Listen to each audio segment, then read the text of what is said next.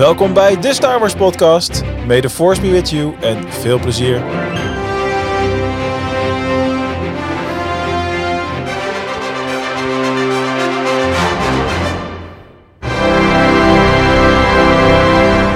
Hey, daar zijn we weer. Het is weer tijd voor de Star Wars podcast. Zo aan de vooravond van uh, Sinterklaas, pakjesavond op de dag dat we dit publiceren. Uh, we gaan vandaag een uh, aflevering uh, wijden aan iets wat ik eigenlijk al weken geleden had willen bespreken. Namelijk Tales of the Jedi. Ik heb hem inmiddels gewoon nog een keer helemaal gekeken ter voorbereiding op deze opname. En het geldt ongetwijfeld ook voor mijn companen van vanavond. Quinten, Rob en Bas. Bright Suns. ja, ik denk ik noem jou als laatste, dan kan je het gewoon zeggen. ik, ik dacht, ik kocht hem een keer in. Het is Sinterklaas. Mensen hebben geen tijd voor deze onzin. Okay. precies. Cadeautjes genoeg. precies. Oké. Okay. Nou ja, dat is dan uh, wat het is. Um, uh, we hebben deze week een wat verkort nieuwsoverzicht, omdat ook wij met onze uh, vieringen natuurlijk zitten hier en daar en nemen wij het ietsje eerder op dan onze gebruikelijke zondagavond. Dus mocht er op zaterdag 3 december, zondag 4 december, wat dan ook iets gebeurd zijn, dat kunnen we nu niet vertellen, want dan zouden we onszelf naar de toekomst moeten teleporteren. Dat zou knap zijn. Maar dan desalniettemin beginnen wij ook deze week weer met een momentje van de week. Um, Rob, ik moet natuurlijk wel iemand de beurt geven, ja, natuurlijk. Die kijken allemaal zo van, ja. Hoe lang, hoe lang doe je dit nou, Mark? um, ja, iets van twee jaar of zo, weet ik het. Het wordt, zo, het wordt zo'n avond, heb ik al het idee. Aha. Het wordt zo'n avond. Um, mijn, ik was er vorige week niet bij, dus mijn momentje is uh, Comic Con. We zijn we natuurlijk met z'n allen geweest. Allereerst was het ontzettend gaaf om een, een panel te doen met z'n, met z'n allen. Dat is echt uh, een van de hoogtepunten uit de tijd dat ik bij de, bij de site en de podcast zit. Absoluut het hoogtepunt natuurlijk. Ja. En verder was het gaaf om daar rond te lopen. Het was gaaf om herkend te worden ook. dat er mensen naar je toe komen en je, en je bedanken voordat we elke week een podcast maken. Ik bedoel, we doen het natuurlijk absoluut niet om herkend te worden. Maar het is leuk dat alle energie alle tijd die we erin steken, alle moeite die we erin steken, dat er mensen zijn die dat waarderen en dat er ook echt mensen zijn die naar je luisteren. Want ik bedoel, we zitten hier gewoon allemaal achter een scherm en dat er echt mensen zijn die naar je luisteren, dat besef je nooit zo. Maar als je daar dan rondloopt en er komen echt mensen naar je toe die je bedanken dat ze elke week uh, iets hebben om leuk, leuks hebben om over Star Wars te luisteren. Ja. Dat is gewoon echt fantastisch en dat motiveert alleen, dat heeft ons denk ik allemaal gemotiveerd om, uh, om uh, nog meer ons best te doen en nog meer iets moois van te maken. Zo is dat. Dus... Visualiseer dat ook maar eens erop. Als je terugdenkt over hoe je dan die zaal inkijkt op een uh, Comic Con. En dan het publiek wat er live voor ons aanwezig was. Doe dat nog even ruim keer tien. En dan heb je ongeveer te pakken wat, ja, wat je dus niet kan zien. Hè? Ja, dat ja. is echt bizar. Dat je maar die ons uh, wel zien. Ja, dat is waar.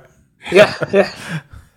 Hopelijk het meeste alleen luisteren. Nee, maar het is echt, het Hopelijk. Is echt bizar inderdaad. Het, Hopelijk. En het is echt gewoon heel leuk dat het ja, dat we het echt ergens voor doen ook. Dat, dat maakt het echt heel mooi. En dat was echt absoluut een, een hoogtepunt van, uh, van Comic Con. Was, was de interactie ook met mensen die, die naar ons luisteren, die in de Discord zitten, die naar de site lezen. En ja. Gewoon te weten dat je het echt ergens voor doet en niet. Uh, je zou, ja, je zou kunnen zeggen dat de mensen die naar ons kwamen betere interactie kregen als wanneer je naar Charles Soul uh, ging voor een krabbel. Ja. Overal ongeveer hetzelfde verhaal gehoord over hem. Wel ik overigens uh, laatst las dat hij op een con was in Amerika, New York Comic Con, ja? uh, drie weken geleden. Waar die wel heel vriendelijk en open en. Uh, oh ja, maar ja, je weet waarschijnlijk zal het met de jetlag te maken hebben. Of, Je weet toch nooit wat er is. Iedereen is gewoon een mens en er kan net even iets verkeerds zijn of slecht nieuws of whatever. Er kan Ruzie met zijn vrouw. Of, die kan altijd iets zijn. Ja. Nooit even oordelen. Ja, goed. Ik bedoel, verder vond ik het een aardige man. We hebben een interview met hem gedaan. En het is een leuk, hmm. aardige, aardige man. Maar minder open dan de andere mensen die we gesproken oh, hebben. Ja. Dus dat is... Uh, is dat interview uh, dat... inmiddels al live? Als we het op 5 december publiceren?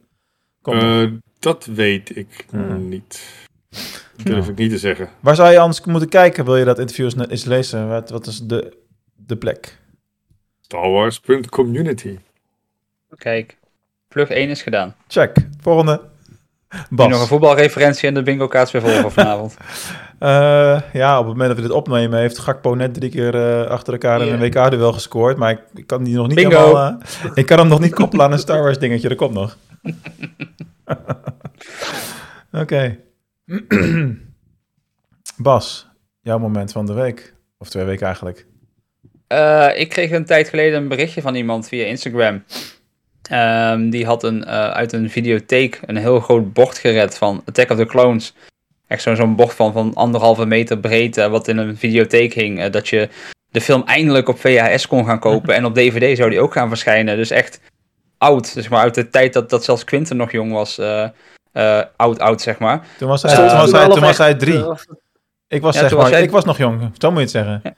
Ja, precies. Ja, wij waren nog jong. Ja. Mark en ik Ja. waren nog jong. Ja. ik heel dacht, ik breng het heel, heel lief deze keer, maar oké. Subtiel, subtiel. Ehm, en of ik dat bord wilde hebben. Dus ik eh, ben eh, van de week eh, naar uh, Hellevoetsluis gereden. En degene die dat bord voor mij gered had van een videotheek was onze eigen Gijs. Die een, een keer een aflevering hier eh, Ah. op zijn piano allerlei Star Wars muziek heeft eh, eh, zitten spelen natuurlijk. Cool. Dus ik ben, een, ik ben met Kim naar Gijs gegaan. We hebben even zitten lunchen. We hebben natuurlijk over, onze trip naar Disney World gepraat. Hij gaat binnenkort naar Disney World over zijn pianomuziek. Over het feit dat hij heel graag nog eens een keer bij ons een aflevering aan wil sluiten. Dus misschien Mhm. komt er weer een muzikale special aan binnenkort, wie weet. En ehm, ja, na lunch zijn we naar hem thuis gegaan. Hebben we nog meer over muziek gepraat, over Star Wars. Over hoe oud was jij toen je de eerste Star Wars film zag. Ehm, de, de, het, het leuke wat ik vond is dat hij bekend is geraakt met Star Wars. Doordat hij de film zag en zei... Hé, hey, maar dat herken ik van Star Tours uit Disneyland Parijs. dus hij zag eerder de attractie dan de film. Want hij Ah, kende C-3PO uit Star Tours, niet uit Star Wars. Ehm, ja, en ik heb nu een heel mooi bord eh, thuis eh, liggen. Eh, ik heb hem natuurlijk niet hier bij me, want ja, niet handig om zo voor een webcammetje te houden. Maar ja, echt een heel oud stuk videotheek wat ik nu in huis heb gehaald. Ik vind het ook heel knap dat hij het uit een videotheek heeft kunnen redden, want in mijn optiek waren videotheken al twintig jaar geleden niet meer bestaand. Maar blijkbaar was er nog ergens eentje in Nederland en eh, ja, die heeft hij voor me gered. Dus eh Waarschijnlijk letterlijk, waarschijnlijk letterlijk ook. Hoe groot, hoe Ergens groot was dat bord nou precies? Anderhalf Eh, bij? Ik denk dat het anderhalve meter is bij, bij 50 centimeter of zo. is echt zo'n zo'n grote banner die eh, boven Dus- de videotheek eh, hing, zeg maar. Dus het huis van de nerds die wordt nog veel erger. Gewoon door dat hele bord. Zie ik dat goed? Het Volgende keer huis, als ik daar kom, dan zie ik hem ergens aan de wand hangen. Het huis van de nerds is nooit klaar, Quinten. Ja, oké. Er is altijd nog ruimte voor dingen. Altijd. Ja, Nou, keer ik ben dat daar je- geweest nu een paar keer. Er is daar niet echt heel veel ruimte meer voor die dingen. Ze dus- vinden ruimte, geloof me. De, de volgende ruimte. keer dat je binnenstapt moet je nu eerst langs een Empire Shrine voordat je de huiskamer bereikt. Dus eh Ja. er staat een TIE Fighter en een Darth Vader helm en alles eh, bij elkaar. Dus eh, het wordt tijd dat je weer eens langskomt. Ja, goed. Heel goed. Zo is dat. een TIE ook in Den Haag? Daar vet. Nee, bij ons gewoon een TIE Fighter. Oké. Ah, in Den Haag zal het wel weer goed komen, toch? Oh, nu kan ik een voetbalreferentie maken, want advocaat komt naar Den Haag terug. Kijk, Dat was wel een echte. Goed, dat was... eh, Zegt dat, hem niet zoveel, denk ik. dat maakt, Was er geen idee waar je het over hebt. is het dik dat advocaat? maakt het, ja, Ja, de dat man maakt die het alleen maar 18 mooier. keer met pensioen eh, de zij te gaan. Eh, Ik heb Ja. vandaag een voetbalwedstrijd gezien, dat vind ik al heel wat. Zo. ja, Nederland-Qatar zeker. Volgens mij wel, ja. Oh, dan weten mensen dat we in wanneer we het opgenomen hebben. Ja, goed, oké, vooruit. Het is zo. Ja. Ehm, Oké. Is het opgenomen? Ja, Die, die over een week. ja, dat maakt er niet uit. De content is tijdloos. en met die gedachtegang gaan we naar het nieuws. Oh nee, wacht. We hebben eerst de quiz. Wacht, eh, ik moet eventjes kijken op welk knopje ik überhaupt moet drukken om de quiz in te starten. Je kan wel zien dat hij het niet zo vaak meer doet, beste Wordt luisteraar. zo'n avond. Eergisteren, eergisteren nog. Ja, ja, ja, dat dus. Dat is het mooie ervan. Oké jongens, eh, we gaan doorrollen naar onze vertrouwde Star Wars quiz. You must unlearn what you have learned. All right, I'll give it a try. No, try not. Do. Or do not. There is no try. Ja, en ik ga hem even kapen deze week, want ehm, ik kan met mijn vraag twee dingen doen. Ik kan of kijken of het eh, onze wandelende encyclopedie er echt eentje is, of ik ga iemand vragen waarvan ik toch zeker weet dat hij het niet weet. Dus Bas, Hm. Ik heb vernomen dat jij onlangs, zeer onlangs, eh, al je frustraties aan de kant hebt gezet. Dat je bent begonnen met het opnieuw spelen van Lego Star Wars The Skywalker Saga. Oh god, gaan we dit echt doen? Ja. Ja, dat, eh, ja. Nou ja, Ja. goed, ik zit er ook middenin op dit moment. Maar voor mij is het nog steeds mijn eerste playthrough, zeg maar, weet je wel. Dus eh, Ja, nee, ik ben weer op eh, 3%. ja, oké, ik zal niks zeggen. Ehm, anyway, de vraag is, met alle dingen die de laatste tijd verschenen zijn... er zijn nogal veel DLC's verschenen de laatste paar weken. Mhm. Eh, hoeveel playable characters heeft het spel op dit moment? Jezus. Tot en met 29 november 2022. Ja, ik weet Jezus was er geen één van, denk ik. Maar... Nou, dat denk jij, maar die zit gewoon in de Obi-Wan pack hoor. Oh. Ehm, ik heb echt eh, een compleet aantal cijfers. Nee, ik durf niet te zeggen. Ik weet dat vandaag eh, is er de Endor pack en de Book of Boba Fett pack uitgekomen. Ja, dus dat zijn de laatste. Ehm, ik denk dat we richting de 400 gaan, makkelijk. Hey, trouwens, is deze vraag niet al een keer geweest? Dat maakt niet uit, want er zijn vandaag nieuwe packs uitgekomen. Dus het antwoord is sowieso anders. Nou, we die... gewoon blijkbaar in deze podcast. Ja, nee, maar- Ja, Nee, maar want ik, ik, zat, ik zat dus gisteren de podcast van afgelopen week te luisteren, waarin Ramon dus vroeg aan Mark van, eh hey, waar zagen we de Briar Gun van, van Endor voor het eerst? Aha. En dat was een Dark Forces, dat wist iedereen natuurlijk. Vooral Mark moest dat weten, want zes weken geleden heb ik die vraag aan Mark gestuurd, of gevraagd ook. Dus ik heb nog even het bewijs gestuurd van, hey, Oh, deze nee. vraag heb je gehad zes weken geleden, dat had je kunnen weten. Ja. Maar nee, Nee, ja, ik, eh, mijn geheugen werkt helaas niet zo eh, als ik wil in sommige aspecten. Dus eh, je kunt mij zo gerust dezelfde vraag stellen over een maand of twee. nou, Maar goed, Bas zegt, dus, deze eh, zes- zegt dus 400. Eh, ik, ik zeg eh, 396. Dat kan ook. Quinten en Rob, wat zijn jullie inzetten? Ik had zelf ergens rond de 450 of zo gedacht. 450. Rob? 397. Net gegoogeld. Net gegoogeld. Nou, we mogen, we mogen allemaal Quinten van harte feliciteren. Want het aantal tot en met vandaag is 453. Zo! Dat scheelt echt bijna niks. Naar dat casino vanavond. Ja, precies. Later was gezellig, jongens. Nou ja, ik zal het even, het even snel eh, er doorheen eh, jassen. Er waren al 384 in, het, in de base game. Noem ze even allemaal op, ja. Ja, precies. Niet interessant? Ah. Doe je ding. Oké, heel snel dan. 384 in de base game. 6 in Mandalorian Season 1 pack. 6 in Solo Star Wars Story. 5 in de Classic Characters. 5 in de Trooper pack. 7 in Rogue One Star Wars Story. En de volgende packs die ik nu noem, hebben allemaal 5 stuks. Want dat hebben ze daarna consequent volgehouden. Mandalorian Seizoen 2, The Bad Batch, Summer Vacation, Rebels, Book of Boba Fett, Obi-Wan Kenobi, The Clone Wars en Endor. We- Weet je wat nou het erge is? Ik dacht, ik ga nou toch heel die game opnieuw spelen. In de hoop dat ik nu wel die laatste procent binnen ga krijgen en de unlock ga krijgen. Ik heb die nieuwe DLC-cares gewoon allemaal gekocht. Ik ben ervoor gezwicht. Ik dacht, ik ga ze nu toch kunnen spelen, dus waarom niet? Ik, ik geef je, Dus gro- ik- ik geef je die groot... niet echt schreeuwend duur? Nou, valt er mee. Ik heb ze ook allebei. 15 euro. 15 Voor- euro moet ik betalen, ja. Voor 25 popjes of zo. Ja, Ja, zoiets. ik, heb, ik heb ze ook allemaal. Hoor. Nice. Ik heb Ja. vandaag al, ik heb vanavond al eh, met eh Chrysanthemum eh, gespeeld en met Cat Bane. Dus Nice. die, zijn, Ja, die zijn nice. vandaag verschenen. Die zijn toch, cool- die zijn toch cool. Ja, precies. Dus Star Wars Forever. Yay. Pas, jij bent Even aan kijken. Dan ga ik mijn vraag stellen aan, ja, Quinten. Hmm. Mag je kiezen. Ik had een vraag voor Endor voorbereid voor afgelopen week, maar toen was ik er natuurlijk niet bij. En anders heb ik een vraag over Tales of the Jedi. Doe maar die van Tails. Jammer. Die van Endor bewaren we dan gewoon voor volgende keer. Ehm heb je Star Wars Battlefront gespeeld? De tweede, Eh, de een laatste. beetje, een beetje. Kom maar door met je vraag. Oké. Er zit een character, soort van, uit Battlefront 2. Ook in Tales of the Jedi. Mhm. En ik bedoel niet echt fysiek een character, Ja, maar er ja, is een ja. link. Je zit te knikken alsof je al weet waar ik over heb, hè? Ja, dat klopt. Vertel, wie is er vandaag jarig? Wie is er vandaag jarig? Mhm. Oké, die vraag zag ik ook niet aankomen. Wat? Error. ik zou het echt niet weten. hè? Bedoel je in de echte wereld, Bas? Of, eh? Ja. Oh. Ja. Wat is de link tussen Battlefront, Tales of the Jedi en is vandaag jarig? Is, is het de, de, de verjaardag van die Janina Kavanka? Jazeker. Ja, want dat is de stem van de moeder van. Ahsoka. En Ja. die, eh, is ook in, die spreekt ook de stem en volgens mij ook de visualisering ervan. Van Ida Versio van Battlefront 2. Exact. Hoe weet jij dat ineens, Quint? Het is al diepgaande next level kennis ineens. Mm, goed voorbereid. Halleluja. ik zag een gamevraag en ik dacht ervan 100% zeker dat Bas mij dat gaat vragen als ik aan de beurt ben bij hem. Nou, bereid je voor, volgende week komt er weer een gamevraag. Nee, want dan heb ik die Endor. Precies. Oh, hey. oh nee. Teaser mensen, teaser. maar eh, nee, eh, heel nice, nice. Leuk dat ik die ook eens een keertje weet. Een tijdje terug. Eh, Je bent on fire vraag- vandaag. Thanks. Mijn, eh, mijn vraag gaat dan naar, eh, naar Rob, volgens mij. Ja. Ik moet even kiezen, hoor, want ik had vier vragen voor, eh, voorbereid. Wil je een makkelijke of een wat moeilijkere? Makkelijker. Een makkelijke. Dat is Oké. altijd gevaarlijk, zo'n vraag. Oké. We zien voor het eerst Jeddel zien we echt heel veel in actie. En eigenlijk is mijn vraag heel simpel. Wie spreekt de stem van Jeddel in, in deze serie? Hoe is dat een makkelijke vraag? Het is niet in-universe. Dat Dat is de makkelijkste vraag die er is. Niet als je daar niks over gelezen hebt.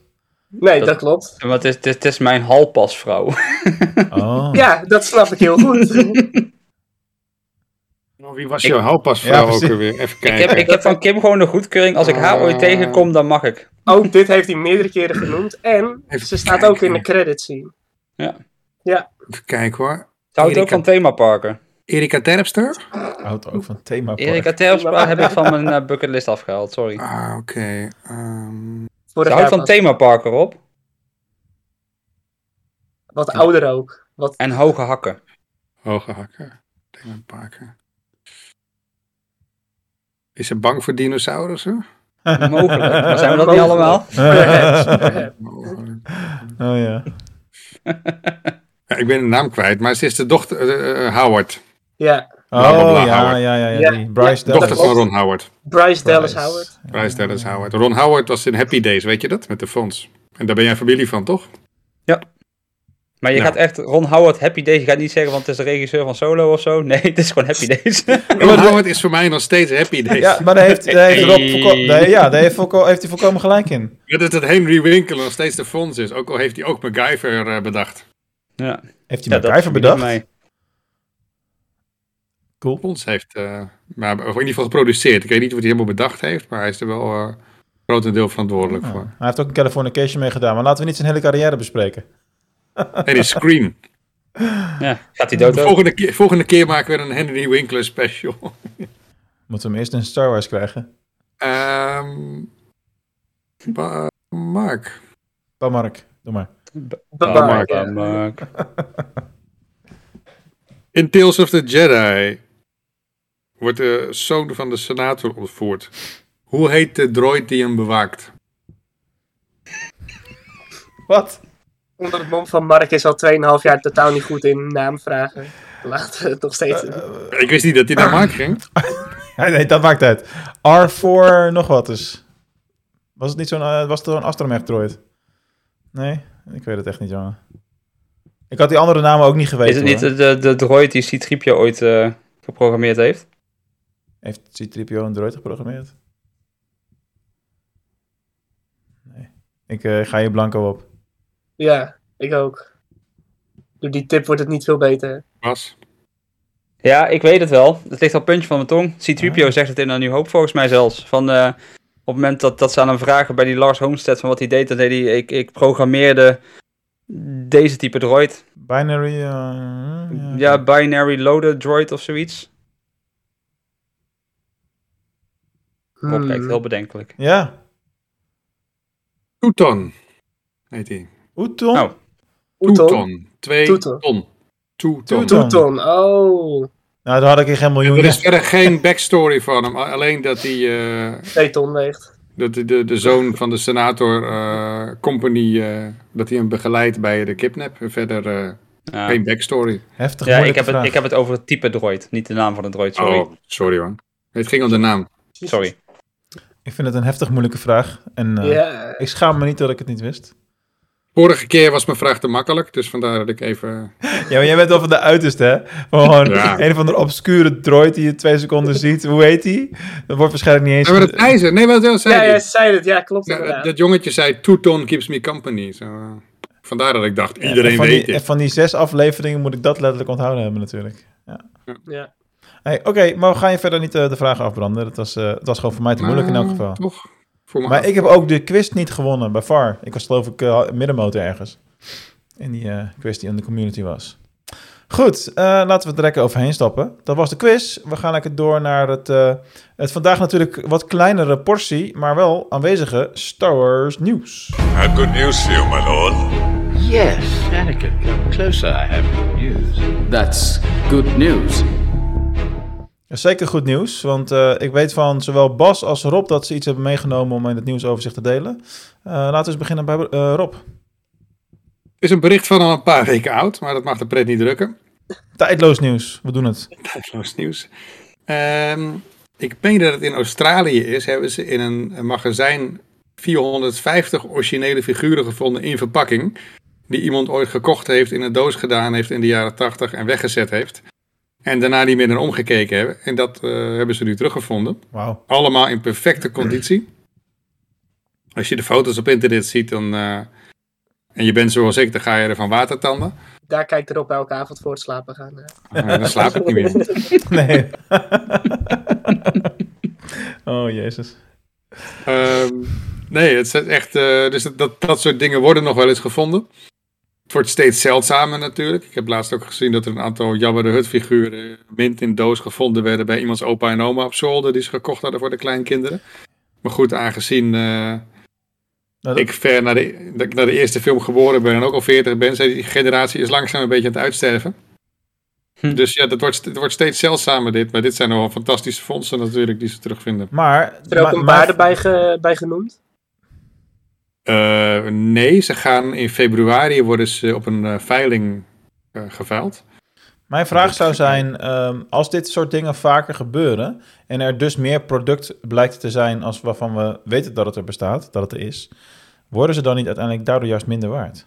En, eh, ik denk dat vi- 450 in mint condition niet de waarde van alles gaat naar beneden gaat halen. En waar zijn het allemaal verschillende figuren ook dan? Of? Ja, Ah. ja. Ehm, meestal drie van elke. Dus ik denk niet dat dat de waarde, dan moet je er wel echt eh, 100.000 gaan vinden in de perfecte conditie. Dan zal het Is, nog de, wel is het nog binnen die familie dan, dat die eigenaar, eh, dat iemand binnen die Eh, familie Daar het staat gevonden verder, is verder niks over bekend. Het is alleen dat het ooit in de jaren 80 is wegge, weggestopt. En nu Dat zou echt de ultieme fonds zijn in zo'n tv-programma, ik weet niet meer, Ja. Storage Wars-achtige dingen, weet je wel? Dat ze, die, dat ze bij die containers gaan lopen veilen. Ja, ik bied 500 dollar, 1000 dollar, dat, dat niveau. En dat je dan met een 1000 dollar container zoiets vindt, dan heb je gewoon Daar een, vinden ze er nog dan wel. heb Maar je een goed, jackpot. 450 stuks. Ik denk dat ze toch minstens eh, 100 dollar per stuk opbrengen. Minstens. Dus eh, dat is een Nog mooie te- ik- zou ik nog tegenvallen vinden, Ja, voor mijn gevoel. dat vind ik ook nog best wel laag, ja. En er zitten ook wel speciale dingen bij. Met, eh, het is vooral een beetje van eh, Empire en Return of the Jedi. Oké, jaren Dus er 80 zitten dus. echt, wel, Ja. zitten echt wel mooie stukken bij. Maar af en toe vinden ze nog dit soort dingen. Ik geloof dat ze laatst ergens in een, in een, magazijn in Zuid-Amerika nog een heleboel van die Mask Toys eh, nieuw in doos gevonden hebben. Ergens achterin een, eh, op een pallet. Dus zo nu en dan gebeurt het nog, maar het wordt natuurlijk steeds zeldzamer. Ja, ik snap het wel, want ik heb ooit bij zo'n eh, speelgoedimporteur gewerkt, spellenimporteur. En dan heb ik ook een keertje een, een jaar of zo een project, eh, side project gedaan. En dan hadden we een eBay store in Duitsland. En dan ging ik gewoon dingen die ik in het magazijn vond, ging ik daarop veilen. Nou, ik kwam ook de gekste dingen tegen van dingen die al tien jaar ergens in een doos zaten en nooit meer waren Ja. bekeken, weet je wel. Ja, bedoel, De, de PostNL vindt ook nog, vond laatst nog een kaart van 40 jaar oud. Dus je vraagt ook af hoe dat kan. Die nooit bezorgd was. Dus ja, Bij dat is wel- PostNL is het best wel logisch dat iets niet hè. Dus ik bedoel, er zullen er zullen echt nog wel meer van dit soort eh, prachtige dingen zijn ergens in, in een magazijn. Maar dit soort dingen is altijd, ik vind het altijd heel bijzonder, omdat het een soort tijdcapsule die je dan terugvindt. eh.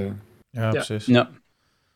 Nou, top. Eh, dankjewel. Dan gaan we naar het eh, door Bas meegenomen nieuws. Eh, ook deze week weer mogelijk gemaakt door StarWarsAwakens.nl natuurlijk. En in ieder geval gaat het ook over Bob Iger en eh, zijn terugkomst, waar we het vorige week ook al heel even kort over hebben gehad.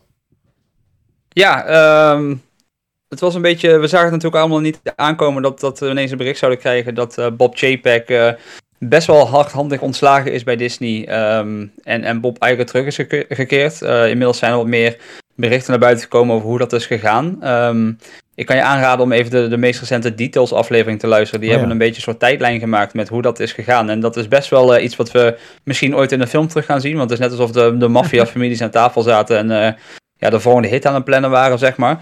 Ehm, maar dit heeft best wel grote gevolgen. niet alleen voor Disney, maar ook voor Star Wars, lijkt nu. Want ehm, een beetje bronnen over het internet zijn nu een beetje aan het eh, schrijven over het feit dat eh Chapek, dus de vorige CEO, degene was die eigenlijk alle Star Wars films tegen te houden bij Lucasfilm. Dus dat Lucasfilm wel wilde, maar dat hij ehm, alles naar Disney Plus wilde gooien. En waardoor Lucasfilm geen filmprojecten echt in productie heeft kunnen nemen. Dus alle films die aan zijn gekondigd zijn ook door hem, lijkt het in ieder geval, eh, weer geannuleerd of tegengehouden naar latere tijden. Dus eigenlijk waar het hele internet de laatste jaren Kathleen Kennedy voor onder vuur heeft genomen, blijkt dus compleet niet aan Kathleen Kennedy hebben gelegen. Ehm, maar aan Bob Chapek, omdat hij gewoon wilde dat eh, ja, Disney Plus meer en meer winstgevend moest gaan worden natuurlijk. En ja, daar heb je natuurlijk gewoon een hele, hele, heel veel content voor nodig, de- zoals dat nu blijkt te zijn. Mhm. Ehm, hij heeft natuurlijk net voordat hij ging ook eh, ervoor gezorgd dat er geen mensen meer aangenomen worden bij Disney. En hij heeft eh, in zijn laatste week ook nog eens gezorgd dat de prijzen van de Disneyparken flink omhoog zijn gegaan. Want een ticket, eh, een dagticket Disney World is eh, naar 189 dollar gegaan vorige Jezus. week. Nou, de, eh, reden genoeg dus om te, te vieren dat eh, Bob Iger terug is. Ehm, voor de mensen die hem niet kennen, hij is eh, degene die voorheen heeft gezorgd dat Pixar onder de Dis- Disney-vlag zou komen. Hij heeft Marvel onder Disney gekregen, Lucasfilm. En hij heeft natuurlijk ook recentelijk Fox nog overgekocht. Ehm, dus onder hem is Disney flink groot geworden. En hij gelooft dus ook in het Star Wars product. Plus hij is een persoonlijke vriend van Kathleen Kennedy. Mhm. Dus het lijkt er nu op dat het voor de Star Wars fans nu een, een mooie tijd gaat worden. Omdat eh, ehm, er gehoopt wordt in ieder geval dat hij nu weer die projecten wat nieuw leven in gaat blazen. En, en Lucasfilm weer de go-ahead krijgt om toch die projecten weer eh, op de rails te gaan krijgen. Die dus JPEG tegen heeft gehouden. Ehm, nogmaals, alles is natuurlijk unconfirmed. Want dit is wat het internet eh, vertelt. En alle berichten komen van Disney Insiders die uiteraard niet genoemd willen worden. Want ja, Ja, ja, ja. dit soort berichten wil je natuurlijk niet lekker met je naam erbij. Maar het, het lijkt erop dat er dus ehm, voor ons een hele interessante tijd aan zit te komen. Want van de week kwam ook een nieuws naar buiten dat Kathleen Kennedy nu ineens de Star Wars filmsleet tot 2027 compleet op de planning heeft gezet. Oh. En dat daar dus duidelijk is wat er gaat gebeuren. Ja, inderdaad. Dat is een interessante ontwikkeling, om het zo maar te zeggen. Ja, inderdaad. Eh, ik vond het ook opvallend dat op het moment dat we hoorden dat Iger eh, weer eh, de troon tot zich nam, dat ineens naar buiten kwam ook dat in april een film begint te filmen, een Star Wars film, en dat andere projecten ineens weer ja, sneller eh, gaan lopen. Dus ik hoop echt dat hij terug gaat brengen naar Disney, eh, wat hij voorheen bij Disney deed. En dat is inderdaad het creatieve aspect, mensen hun ding laten doen en eh, niet even- alleen maar op het geld gaan zitten zoals JPEG doet. Even advocaat van de duivel, hè? Mhm. Die JPEG die heeft daar 2,5, 3 jaar gezeten, maar de eerste twee jaar was Eiker daar nog bij. Eh, dus hij Ja. heeft al met al misschien een klein jaar eh, alleen de, de scepter gezwaaid. Hoeveel invloed kan hij in zo'n korte tijd daadwerkelijk hebben gehad op al dat soort beslissingen? Extreem veel, want wat JPEG heeft gedaan... Kijk, die, die twee jaar dat Iger er nog bij was, was Iger geen CEO meer natuurlijk. Hij was nog chairman of the board, maar niet meer eh, de hoge pief eh, zoals hij ooit was. Ehm, hij heeft JPEG eigenlijk een beetje geholpen door de coronatijd heen. Want oké, JPEG heeft het ook niet makkelijk gehad, want hè, hij, eh, hij wordt CEO... De wereld komt onder corona Ja. te liggen. En ja, Disney is natuurlijk heel groot in bioscoopfilms, in theaterproducties, ijsproducties, evenementen en pretparken. En laten we net alle dingen zijn die meteen gesloten werden. Dus eigenlijk Disney Plus heeft Disney toen eigenlijk een beetje gered. Dus hij heeft natuurlijk een moeilijke tijd eh, gekregen om het over te nemen. Ehm, maar hij heeft alles een beetje opgeprobeerd te lossen door alles duurder te maken. En gratis services betaald te maken. Dus als ik bijvoorbeeld even kijk naar de Disney parken. De, de fastpass systemen zijn natuurlijk weggegaan. Daar is Genie Ja, Plus kunnen uh, plaatsgekomen. Wat, je- wat je geld kost eh, per attractie waar je in wil. Zoals ik net zei, de Disney parken zijn duurder geworden. Eigenlijk is alles wat Disney deed is duurder geworden. Want hij wilde er echt een premium merk van maken. Ja. Eh, hij heeft ook de, de befaamde uitspraak gedaan dat volwassenen niet naar animatiefilms kijken. Ja, want ja. Dat, dat, dat zijn we volwassenen voor. Dus hij begreep niet echt wat Disney was. En, en wat JPEG nu meteen, of Iger nu meteen heeft gedaan, is de zakenmannen op hoge functies weggedaan. En daar weer creatieve mensen neergezet. Dus is zo snel creatief- allemaal. Dat is toch opvallend, hè? Hoeveel actie er dan in één keer is? Er er zijn al behoorlijk wat ontslagen gevallen. Mensen zijn opgestapt inderdaad. En eh, mensen die voorheen functies hadden, hebben hun oude functie weer teruggekregen. Is het een beetje bijvoorbeeld- Twitter in het mini? Of eh, Sorry? is het een beetje Twitter in het mini? Ja, ik wou het net zeggen, een beetje Elon Musk eh, actie dit. Ik heb geen idee, maar ehm, Ja, daar is de helft wat, ik ontslagen. vooral, wat ik vooral merk online is dat het, het Disney-publiek heel blij is met wat hier gebeurt. Ja. Ehm, ik, ik heb eh, films voorbij zien komen van de geest die zijn armen of die armbanden verliest op het moment dat hij vrij wordt eh, gemaakt in, eh, in Aladdin. Met hè, Iger is terug, we zijn weer vrij, we kunnen weer onze hobby eh, beoefenen. Dus het, het is echt wel een dingetje. En ik ben vooral heel erg benieuwd wat het voor Star Wars gaat betekenen. Want eh, ja, Kennedy heeft ineens allemaal films op de planning staan. En, en tot 27 zou alles nu ineens duidelijk zijn. We twee weken geleden nu eens wisten of er een film aan zat te komen. Dus eh, Ja, maar dat zou dan Ja, ben- theoretisch niet veel meer dan twee films kunnen betekenen. Want de 25 en de 27 stonden al op de agenda. ja, ja, En Sneller red je het Maar toch ja. niet. Wie weet. Wie weet. Eh, ik, bedoel, eh, ik bedoel, je kunt heel veel tegelijkertijd filmen. En het feit dat ze in april gaan filmen. We weten nu niet wat voor film dat is. We weten geen cast, we weten helemaal niks in feite. Misschien zijn ze wel met meer geheime projecten bezig eh, die Maar wij was, was, niet weten. dat, was dat ook niet onder Iger met eh, de sequel-trilogie? Dat ze in feite gewoon gelijk aankondigden wanneer de films gereleased gingen worden en er was nog ineens een, een verhaal? Dat Ja. is ook wel een valkuil natuurlijk. Ja, ja. We, hopen dat We gaan het zien. we moeten maar hopen dat ze daarvan geleerd hebben dan. Eentje, ja, ik hoop dat ze ervan geleerd hebben inderdaad. Dat is toch wel... ja wat, mij, wat mij ergens een beetje hoopvol stemt, is dat nu blijkt dat in april de productie start en in april Celebration is. Dus misschien krijgen we een naam, Ja. een onthulling, een cast laten zien, wie weet. Het zou eh, perfecte timing zijn. Gewoon alsnog Vooral omdat-. Ja, vooral omdat de opnames natuurlijk eh, volgens mij ook gewoon in Pinewood Studios zijn, dus in Engeland. Dus ze zijn in de buurt. Dus eh, wie weet. Maar even gaan buurten. Ja. Gewoon een droge, droge ogen. Ja, dat gaan we Hallo, even doen, ja. wij zijn de Star Wars podcast. Wij komen even kijken. ja. Kijken ook met onze audioshow, dat is ook wel mooi. Ja. Oké, nou, top. Eh, had je nog andere dingen meegenomen die we in het nieuws willen bespreken nu? Of gaan we naar... eh, Nou ja, ik had, ik had eigenlijk één dingetje als extra nog, maar ik zal hem je gewoon geven. Ehm, wij zijn heel belangrijk geworden op het internet de laatste week. En ik weet niet of jullie doorhebben hoe belangrijk, maar heel de wereld schrijft over nieuws wat wij eigenlijk de wereld in hebben geholpen. Definieer wij. Ehm 8 december, Game Awards. Het lijkt nu bijna 100% zeker dat daar de aankondigingstrailer van eh, Jedi Survivor eh, zal getoond worden met een datum en gameplay en dat soort dingen erbij. En laten wij dat nou drie, vier maanden geleden al een paar keer hebben genoemd hier in de podcast. En nu lijkt ineens heel internet erover te schrijven van ja, 8 december gaan we die game eigenlijk zien. Wij roepen dat al maanden. Dus bij deze hebben wij nieuws eh, eh, gewoon zo hard verzonnen dat het werkelijkheid, is geworden, of werkelijkheid is geworden. Dus eh, nice. jongens, chapeau. Goed gedaan, kerel. ja, soms heb je gewoon gelijk natuurlijk. Soms wel. Als je Hartstikke vaak genoeg liegt, dan zit er altijd een goede tussen. Oh, dat is zo gevaarlijk. Hey, laten we daar overheen stappen en laten we naar onze hoofdmaaltijd van, eh, van vandaag gaan. Eh, namelijk eh, het complete eerste seizoen van Tales of the Jedi. Laten we beginnen met een rondje eerste indrukken. Eh, gewoon over het geheel gezien. En dan gaan we, daarna gaan we ze per aflevering inhoudelijk eh, eh, door, doorlopen. Ehm, voor een frisse blik begin ik eens bij Rob. Ik vond het heel gaaf. Het zijn allemaal korte verhaaltjes. Elke keer een kwartiertje maximaal. Dus je, het kostte niet veel tijd. En frisse verhalen, leuke backstories. Leuk, niet, leuk is denk ik niet het goede woord. Maar Hm. interessante backstories. Waar je, ja, waar je na, daarna echt zoiets hebt van oké, wauw. En ik vond het eh, zeker niet tegenvallen. Het was niet saai. Er zat er ook geen één bij waarvan ik dacht van, mo. Mhm. Ah, misschien eentje, maar de me- meeste was. eh, Hmm. het Ik meeste weet ook was, wel welke. Het meeste was gewoon wel, eh, ja, wel echt interessant. En wij ook echt weer nou, daar kunnen we wel even over doorpraten. Dat is echt wel. eh, Ja. Cool. Quentin? Ja, ik kan het eigenlijk maar op één manier beschrijven. Ik heb eh, die serie heb ik nu drie keer gezien, want het kijkt gewoon heel makkelijk weg. Zes afleveringetjes, kwartiertje per stuk, anderhalf uur tijd, dan ben je er zo doorheen eh, geramd. Het is eigenlijk gewoon een korte film. Mhm. Ehm, de film die is natuurlijk opgebouwd in een voorstukje, daarna de intro en daarna, zoals wij het altijd noemen, het, eh, het hoofdgerecht van, van het moment. Maar ik had elke keer bij het voor, voorstukje dat ik al dacht van, jezus, wat was dit een goede aflevering. En op dat moment begon de intro dan al. dat had ik ook, ja. Ja, ja, ja. En op dat moment, dat is dan van, oh ja, wacht, ik heb hier al een hele aflevering nog over. En op dat moment is een kwartiertje dan op zich ook best wel weer lang. Als je dat gevoel al hebt bij het voorstukje. En dat had ik letterlijk bij elke aflevering die er in deze serie zat. Nice. Goeie. Dus Bas? ja, heel gaaf. Ik, eh, ja, ik vind het dan een beetje jammer dat ze dan hier eh, zoveel, zo kort over eh, eh, zo, zulke korte series maken. En dan van de Bad Batch weer een heel seizoen. Dan denk ik, ja, doe dat lekker andersom of zo.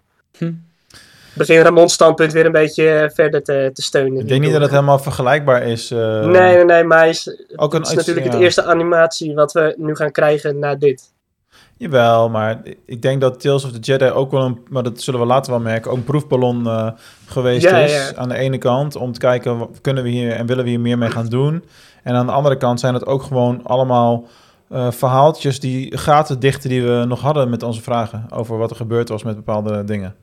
Ja. En ehm, eh, ja, dat is een andere, dat is gewoon heel goed gedaan. En waarschijnlijk Mm. als je dit ook had heel erg uitgesmeerd, zoals een Endor of een Bad Batch, dan was het veel minder krachtig geweest. True, dat is ook inderdaad de andere kant. Want ik heb het dus samen met mijn oude huisgenoot ook een keer gekeken. En hij zei direct, de kracht van deze serie, dat het zo sterk aanvoelt, is dat het zo kort is. Dus Ja. je hebt het gevoel dat je, dat je verlangt naar meer, maar eigenlijk is het ook wel genoeg. Mhm. Ja, dat is. Ja, maar dat vond ik dus ook het leuke eraan. Want er zit niks te veel in. Er zitten Nee. geen scènes in dat je denkt van... pff, moeilijk om doorheen te komen. Nee, er zat echt geen, geen seconde te veel in. Precies. Maar eh, ja, en ik vind dit gewoon echt eh, een perfecte opener om te laten zien wat de Clone Wars kan doen. Ik, eh, ik ben echt van mening dat het gevoel wat je krijgt na het kijken van deze serie, dat dat precies is wat je voelt nadat je de Clone Wars hebt afgerond. Ja. Nou, het mooie is natuurlijk ook dat ze de techniek van de Clone Wars gewoon kunnen gebruiken. Dat is wel een hele strategisch gezien Ja. slimme keuze. Je kan doorbouwen op al die modellen en al die tekeningen die Ja. je allemaal al hebt gemaakt. Eh, God, wat zag het er goed uit, zeg. Ja, toch? Hm. Ja, Bas, jouw eerste indruk? Eh, het, het komt bij mij heel erg over op iets, al- als iets wat, wat ik heel belangrijk vind in Star Wars. En dat is, eh, Star Wars moet op zichzelf staand heel sterk zijn. Maar het moet ook de rest versterken. En Endor doet dat bijvoorbeeld heel goed. Dat is op zichzelf staand een heel sterke serie. Maar het versterkt mij ook het gevoel van Rogue One ineens. En deze serie staat op eigen benen compleet overeind. Maar het maakt ook de verhalen van Ahsoka. En eigenlijk iets wat ik niet van tevoren verwacht had. Het verhaal van Dooku. Mhm. Voor mij nog interessanter. Ja. ja, Dus het, het, het, het maakt gewoon eh, Attack of the Clones. De, de, de interactie tussen Obi-Wan en Dooku die daar nu zit als ze over Qui-Gon praten bijvoorbeeld, heeft nu ineens een hele extra lading gekregen, omdat je daar vijf minuutjes van hebt gezien nu. En ehm, het is niet essentieel om dit te kijken, maar ik, ik vind het echt heel sterk Star Wars en ik hoop vooral dat ze ehm, deze serie door evolueren en dat als deze Filoni de, de mogelijkheid krijgt om meerdere korte verhalen te verzinnen, dat ze dat in deze serie gaan gooien. Dus die niet meteen een heel seizoen moeten zijn of een hele serie of wat dan ook. Maar gewoon, ik heb een idee voor een verhaal. Bijvoorbeeld iets over de, ik noem maar wat, ik, ik zou iets van de training van Ray willen zien bij, bij bijvoorbeeld. Gooi daar een verhaaltje van een kwartiertje tegenaan, noem het eh, Tales of the Jedi aflevering 7 en ik ben er helemaal blij mee. En vooral ga ook een Tales of the Sith maken. Ja, precies, dat dus, ja. Ja, maar ja, dan Ja. is die van Dooku al een beetje grijs gebied. Nou ja, hij is nog een Jedi natuurlijk, Ja, ja, zowat ja. hier in deze Ja. serie. Dus, eh, maar nee, dit, dit was echt op en top Star Wars, eh, als, je, het- als je het mij vraagt. Eh, en inderdaad, de animatie, als je het naast de eerste aflevering van de Clone Wars zet, dan is het zo'n verschil. Als je, als je alleen al Ahsoka naast elkaar zet, dat is gewoon alsof je naar een PlayStation 1 spel en een PlayStation 5 spel zit te kijken. Letterlijk Ja. die eerste shot was Even een shout-out zo- voor Bas dat hij de PlayStation als vergelijkingsmateriaal gebruikt. Netjes, man. Dat is een Ja, dat is omdat jongen. de eerste PlayStation is ouder dan de eerste Xbox, hè? Het scheelt een generatie. Ja. Oké. Wat vond jij daarvan, Mark? Ja, ik vond het fantastisch. Eh, dit is mijn Star Wars, weet je wel. Eh, ik hou van pew pew en van lichtzwaarden en eh, alles wat daarmee te maken heeft. Alles wat niet in Endor zat, zit wel in deze serie, weet je. Dus ja, ik vind, Mhm. bij mij is dat Tales of the Jedi echt wel hoger als Endor. Als waar ik Zeg, plezier dit aan, voelde meer als. Star Wars dan Endor. Van. Ja, dat is het. En dat is gewoon En wat ik- logisch, het ligt ook dichterbij. En, ik, eh, en daar komt dan bij dat ik dit ook met mijn kinderen kon kijken, allebei. Het echt, dus we hebben het in die thuisbioscoop situatie met z'n met z'n drieën de eerste keer echt volledig van A tot Z helemaal gekeken. En eh, ja, dat was zo voorbij, zeg maar. Dus eh, ik Ja. werd daar wel heel erg, eh, heel erg blij van. En eh, dan was uiteindelijk, maar daar hebben we het zo wel over, de eerste aflevering nog het meest langzaam. En eh, ja, de verhaaltjes zijn gewoon sterk. Het vult gaten op die, eh, met vragen die je had. En ja, al met al gewoon eh, heel erg tof. Heel erg fijn om te zien allemaal. Ehm, wat vonden jullie van de volgorde? Dat vond ik nog wel een dingetje, want we beginnen met één aflevering Ahsoka. Dan krijg je de gehele Dooku-arc en dan krijg je nog twee keer Ahsoka. Voelde voor mij niet logisch. Ik was zoiets van, ja, doe dan gewoon drie om drie. Of om en om. Iets. Ik vond het, het voelde zo uit balans of zo. Dat was chronologisch, toch? Ja, dat, Dat, zal- lijkt me ook dat het ja, op ja. chronologische tijdvolgorde is. Ja, oké, maar als je dan nieuwe afleveringen nog gaat maken in de toekomst, ga je die er dan tussen plakken in de playlist? Of, eh? Nee, maar eh, wat ik mooi vind hieraan is, is ehm, het begint met Ahsoka en het eindigt met Ahsoka. Ehm, en dat staat ook een beetje aan, aan, aan Dave Filoni voor mij. Die begon met Ahsoka en hij eindigt weer met Ahsoka. Ja. ja Eh, dit, dit is echt, je merkt aan deze serie heel erg, dit is echt een Dave Filoni-serie. Ehm, en dat merk je vooral in de Ahsoka-aflevering natuurlijk. Want Ahsoka, je merkt gewoon, niemand mag aan Ahsoka komen behalve Filoni zelf.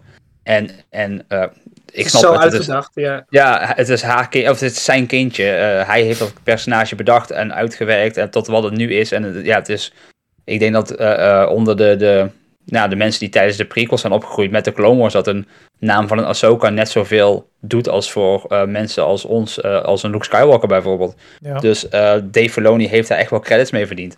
En dat hij dan begint en eindigt met, met zijn karakter, ik, ja, more power to him. Ik, ik vond het juist heel tof dat hij dat deed eigenlijk.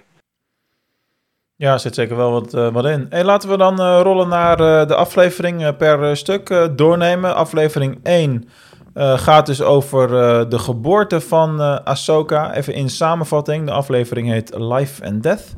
En we zien ja, dat Ahsoka als baby wordt meegenomen door haar moeder het bos in. En daar raakt ze kwijt en raakt ze verzeild bij een grote cyber, cy, cyber, sabertooth tijger, hoe je dat ook, hoe je dat ook noemen wil.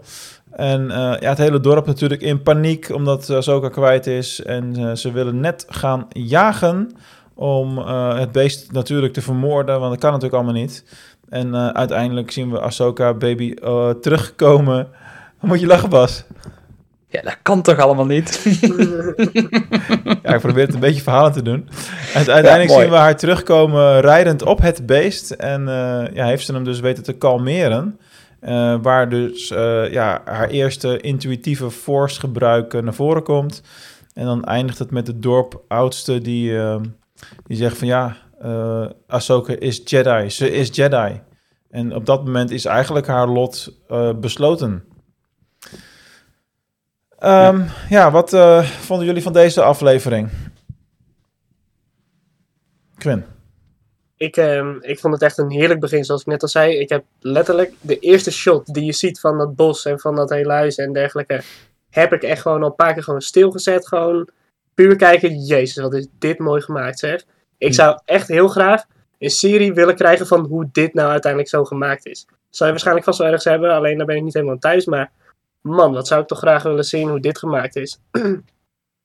En ja, voor de rest de hele aflevering zelf. Ik, eh, ik, ik had gelezen dat het eigenlijk de bedoeling was van Dave Filoni om eh, het verhaal te vertellen van hoe ehm Plo Koon eh Ahsoka tot de Jedi Order heeft genomen. Maar dat hij uiteindelijk voor dit verhaal is gegaan omdat hij gewoon simpel wilde laten zien in de Star Wars wereld van moeders die moeders zijn.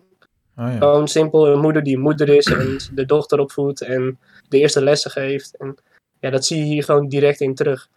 Hoe ze uiteindelijk met, met die... Is het een Nexo trouwens? Weet Die, ik eh, niet. die- Zou kunnen. Nee, ik denk, Zou ik denk- kunnen. Ja, ik, Nee, nee, is- ik denk het niet. ik, ik weet het niet zeker, maar hoe, hoe je uiteindelijk dan ziet dat ze dan die interactie heeft met dat beest, dat, dat, dat eigenlijk vanaf het begin af aan dat, dat, dat ze al weten, oké, ik ga niet opgegeten worden, ook al is ze één of zo. En dan uiteindelijk terugkomt op dat beest rijdend en dan toch nog die interactie met iedereen eromheen heeft. Nou, echt kippenvel. Echt letterlijk kippenvel heb ik met die aflevering gehad. Ehm, w- was het niet Bob Chapek die zei dat volwassenen niet naar cartoons kunnen kijken?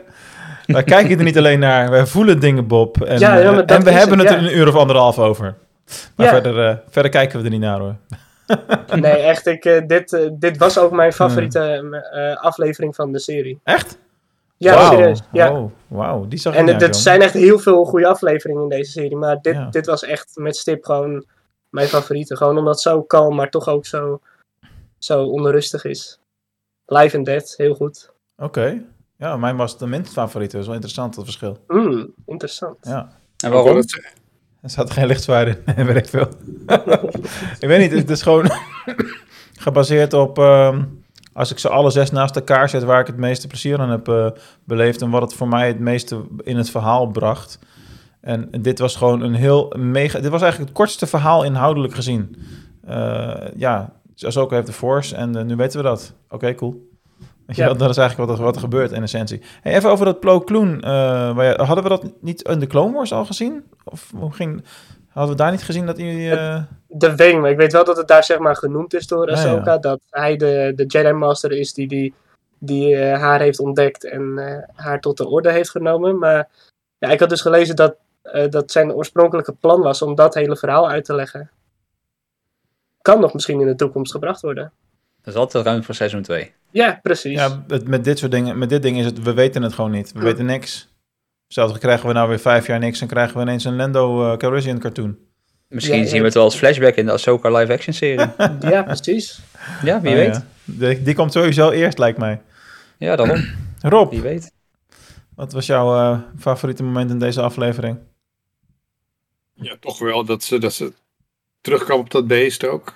Maar ook dat je een stukje ziet van de opvoeding, van life en dead. Weet je? Dat, ze, dat, ze, dat ze dat eh, gelijk moeten zien. En eh, hoe je ziet hoe het dorp zich helemaal, dat ze echt opgevoed is in, in een dorp. Dus ook echt, eh, Ons kent ons, iedereen is ja, één ons met ons klein, eh, kleine omgeving, veel liefde, veel in die cultuur. Dus dat vond ik interessant, dat je een beetje de cultuur zag eromheen, zeg maar. En dat is iets wat je in Star Wars niet heel veel gezien hebt, denk ik. Echt een Familie. cultuuropbouw, Ja. ja. familie of cultuuropbouw, of echt een, echt een eh, s- stamidee. Ja, betrokken ook allemaal met elkaar natuurlijk. Ja. Ja. Ja. Oké, eh, zullen we doorrollen naar de volgende? Mhm. Oké, aflevering 2. eh, dan maken we de jump naar eh, de verhalen rondom eh Dooku. Op dit moment is hij zelf nog eh, Jedi Master en hij is op reis met zijn Padawan Qui-Gon Jinn. Eh, dat is natuurlijk een mooie generatie, want dan, eh, daaronder heb je dan weer Obi-Wan enzovoorts. Ehm, dan krijgen we de kid kidnapping van de zoon van de gouverneur. Waarbij uiteindelijk blijkt dat Dooku en Qui-Gon midden in ja, alle kidnappers staan, zeg maar. En dat ze daar uiteindelijk eh, naar die zoon toe gaan. Maar dat hij eigenlijk zegt van ja, ik snap wel waarom ze dit gedaan hebben. En dat is natuurlijk een interessante. Het is weer niet zwart-wit, maar het is grijs. Ehm, en vervolgens eh, ja, komt die vader zijn zoon claimen. En eh, eigenlijk is hij de, de bad guy hier, zou je kunnen zeggen. Want ja, hij heeft het geduld niet en hij valt uiteindelijk die groep aan. En het inzicht van Qui-Gon Jinn zorgt er dan vervolgens voor dat hij zo naar zijn vader toe rent om hem te redden. Want in de tussentijd heeft eh Dooku eh, zijn eh, dark side al een beetje laten zien. Want hij is met een force choke bezig. Waar hij dat geleerd heeft is dan natuurlijk ook een interessante vraag. En die force choke laat hij uiteindelijk los op het moment dat die zoon bij die vader staat. Dus de Qui-Gon was hier ja, de slimme leerling, redt daarmee een aantal levens. Dooku ziet dat ook wel in. Maar hier zie je dus eigenlijk al heel duidelijk ontstaan... ehm, eh, Oké, Dooku en de Jedi Order, dat gaat hem niet worden op lange termijn. Daar gaat wel iets eh, krak en piep en scheef lopen. Nou heb ik natuurlijk eh, van de week met Liam ook nog een keertje naar Attack of the Clones gekeken. En ja, dan, heb je, dan is dat stukje met, waarin Obi-Wan Kenobi gevangen is... ineens heel, heel, extra waardevol geworden. Want ja, Qui-Gon zou jou nooit, zou nooit jo jou joinen, zou nooit zich bij jou voegen, Dooku. En Dooku zegt dan van nou, Obi-Wan, daar zou ik maar niet zo zeker van zijn. En nu begrijp ik waar dat op gebaseerd is.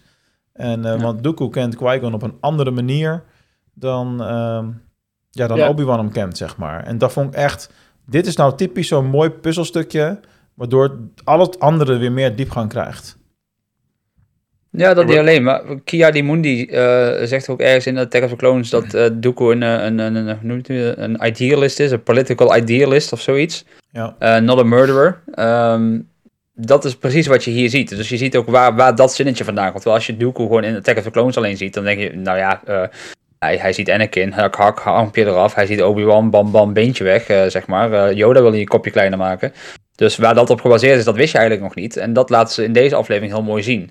Ehm, en wat jij zegt, dat dat grijze tussen het, donker en het licht, dat, dat, dat, dat laten we hier echt, echt tot, de perfectie zien. En niet alleen in Dooku, maar ook het, het, de hele eh, wereld eromheen. Want eh, die wereld waar ze in zijn, alles is grauw en vies en, en vervallen, omdat ze natuurlijk gezwicht zijn onder de druk van hè, de, de, de grotere macht. En als die komen, dan zie je ook, die hebben al hele gekleurde pakken aan, eh, blauw, geel, eh super fel, terwijl de rest alles grauw is. En, en dat contrast is heel sterk op dat moment. Ja, Ehm, ja, dat is er gewoon extra dik op bovenop gelegd natuurlijk. Ehm, o- gewoon om te laten zien van... Het, het goede hoeft het goede niet te zijn en het kwade hoeft het kwade niet te zijn. En ik denk dat ze daarmee weer heel erg terug refereren naar die ene zin van Obi-Wan Kenobi van from a certain point of view. Mhm. En ik denk dat dat hier heel mooi laat zien van het is maar net hoe je naar een situatie kijkt. Want je denkt, dit zijn de goede rikken hier, maar uiteindelijk, omdat ze goed proberen te doen, wordt de rest allemaal benadeeld. En die, die tweestrijd daartussen, die zie je heel erg in Dooku op dit moment. En ja, dat maakt Dooku voor mij meteen een veel interessanter karakter eigenlijk. Ja. Ja. Zeker. Quinn? Ja, ik, eh, precies eigenlijk net wat uitgelegd is. Het, het geeft gewoon veel meer diepgang aan het karakter Count Dooku zelf. En ik wist wel dat in deze serie dat we twee verhaallijnen gingen krijgen. Alleen ik had totaal niet het idee dat, dat we het op dit moment eh, op deze manier zouden krijgen.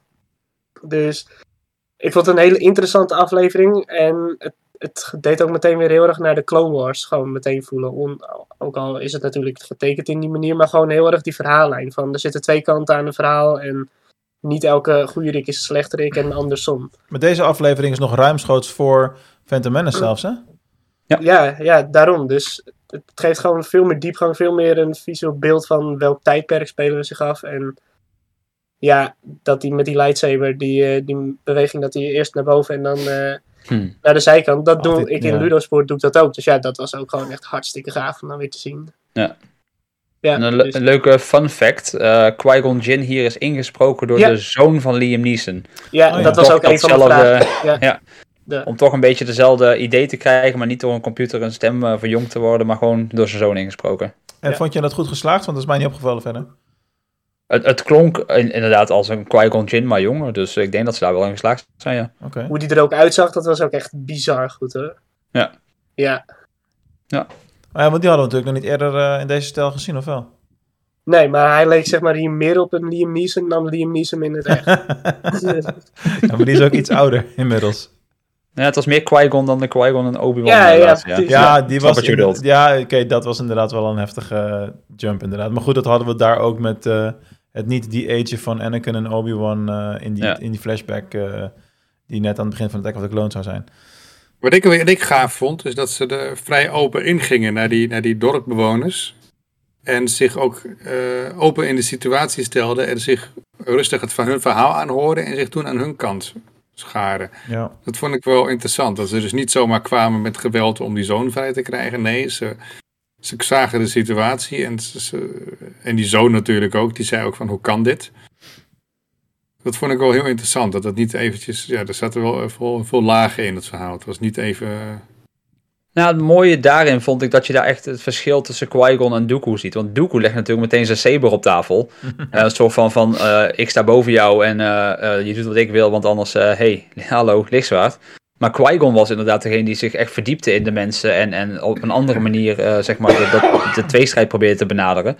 Eh, dus dat je daar al wel ziet van, van de, de meester en de padawan zijn hetzelfde, maar toch hebben ze wel een eigen manier waaruit je ook makkelijker kunt geloven dat Qui-Gon ja, de Force of Good is geworden, de Phantom Menace, en Dooku die andere kant op is gegaan uiteindelijk. ja hele sterke aflevering eh, wat dat betreft. Ja. Eh, en dat gaat door in de volgende aflevering. Dus laten we die jump eh, gaan maken. Aflevering 3. Eh, ook rondom Dooku. Dat aflevering heet Choices. En in deze aflevering zien we eigenlijk wel de definitieve breuk ontstaan tussen Dooku en ja, eigenlijk de Jedi Order. We gaan op reis met Dooku en Mace Windu. Wat een vette combinatie was dat trouwens, sowieso, om hun een keer zij aan zij te zien. En eh, ja, ik, ik, dat vind ik dan heel knap dat ze het voor elkaar kregen. Ik irriteerde me vrij snel mateloos aan Mace. Want hij is echt zo'n man van... alles moet volgens het boekje. En als je één komma verkeerd zit... Ah, dat gevoel, als je dat op kan roepen in een tekenfilm... ik vind het knap. Eh, dus een man van de regels. En Dooku is veel duidelijker een, eh, ja, een vrije denker wat dat betreft. Nou, ze gaan natuurlijk de, de moord op een, op een Jedi onderzoeken.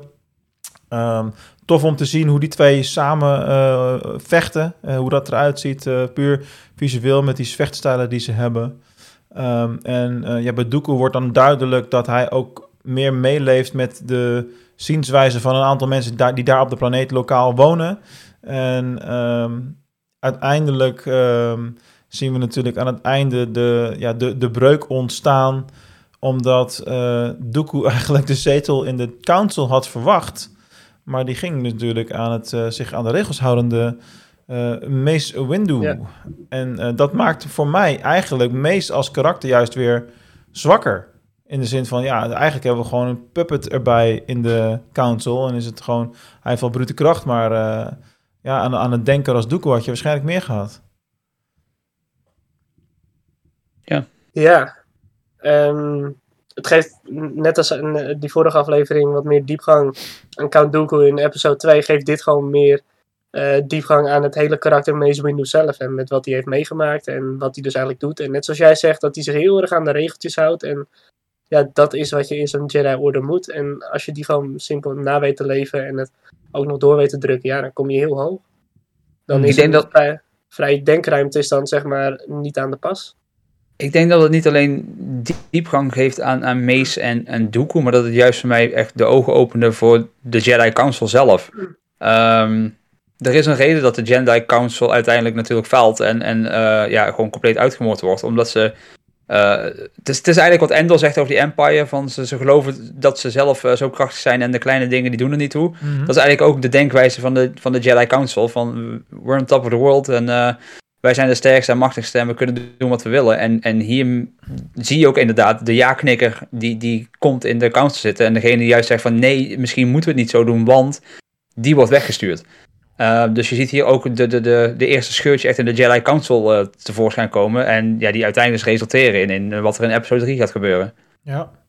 Dat er geen vertrouwen is in de Jedi door het Ja. volk. Dat ze zeggen van keep the, you keep the peace for the, for the rich and the powerful. Precies. Dat verbaasde me ook wel. Dat ze eigenlijk, wij zien de Jedi's toch altijd als de helden, als de goede rikken. En dat ze daar toch echt gezien worden in die tijd nog als gewoon uh, de, ja, de, de, de, elite soldaten van, de, van het Senaat eigenlijk. Het is ook wel interessant om je af te vragen wat er dan gebeurt aan het einde van de High Republic uh, tijdperk. Want in die, in die tijd, een paar honderd jaar daarvoor, waren er honderden duizenden Jedi. En uh, in de tijd waarin we de films beleven en deze verhalen beleven, zijn het er aanzienlijk minder al. Dus daar moet al een aardig verlies geleden zijn ergens. Ja, phase 3, of zo, phase 3. Fase 3 van de High Republic wordt echt Game of Thrones uh, Red Wedding. Uh, Jezus, Red Wedding-achtige ja, ja, ja. tafereelen gegokkeld. Ja, dat, dat, je echt gewoon uh, 20 hoofdpersonen per bladzijde gaat verliezen of zo. Dat wordt interessant. Ja, per bladzijde, ja. Moet haast wel. en Yoda overleeft is alles.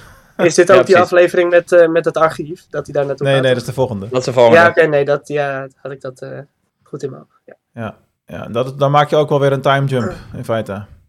Ja. Want in de Phantom Menace, uh, ja, ik weet niet hoeveel, maar dan is de baard alweer wat langer en dan iets grijzer. Ja. Je kunt aan Dooku zelf ook zien dat het net elke keer wat, wat aantal jaren weer later, uh, later is. Ja. Het is ook een nette vampier, joh, in deze serie. Ja, hij heeft niet voor niks Dracula gespeeld. Ja, ja niet voor niks dat die Count Dooku heet. Ja, het is, geen, uh, het is allemaal geen toeval. Nee, nee, nee. Alright, iemand nog iets over deze aflevering? Toe te voegen? Nee, nee ik zelf niet.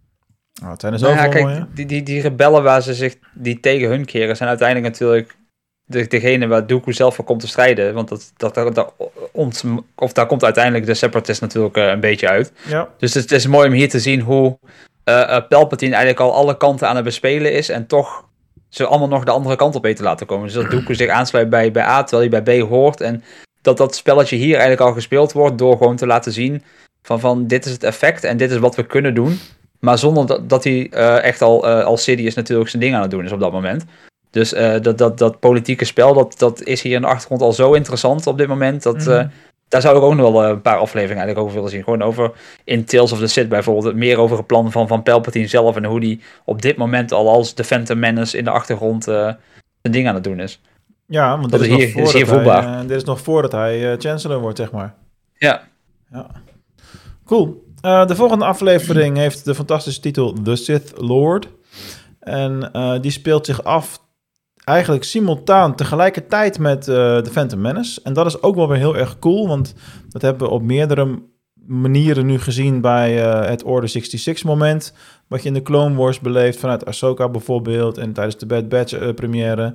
En nu zien we het een keertje met iets wat in episode 1 gebeurt natuurlijk. Ja. Het begint met Dooku, die op dit moment dus nog wel degelijk een Jedi Master is tijdens de Phantom Menace.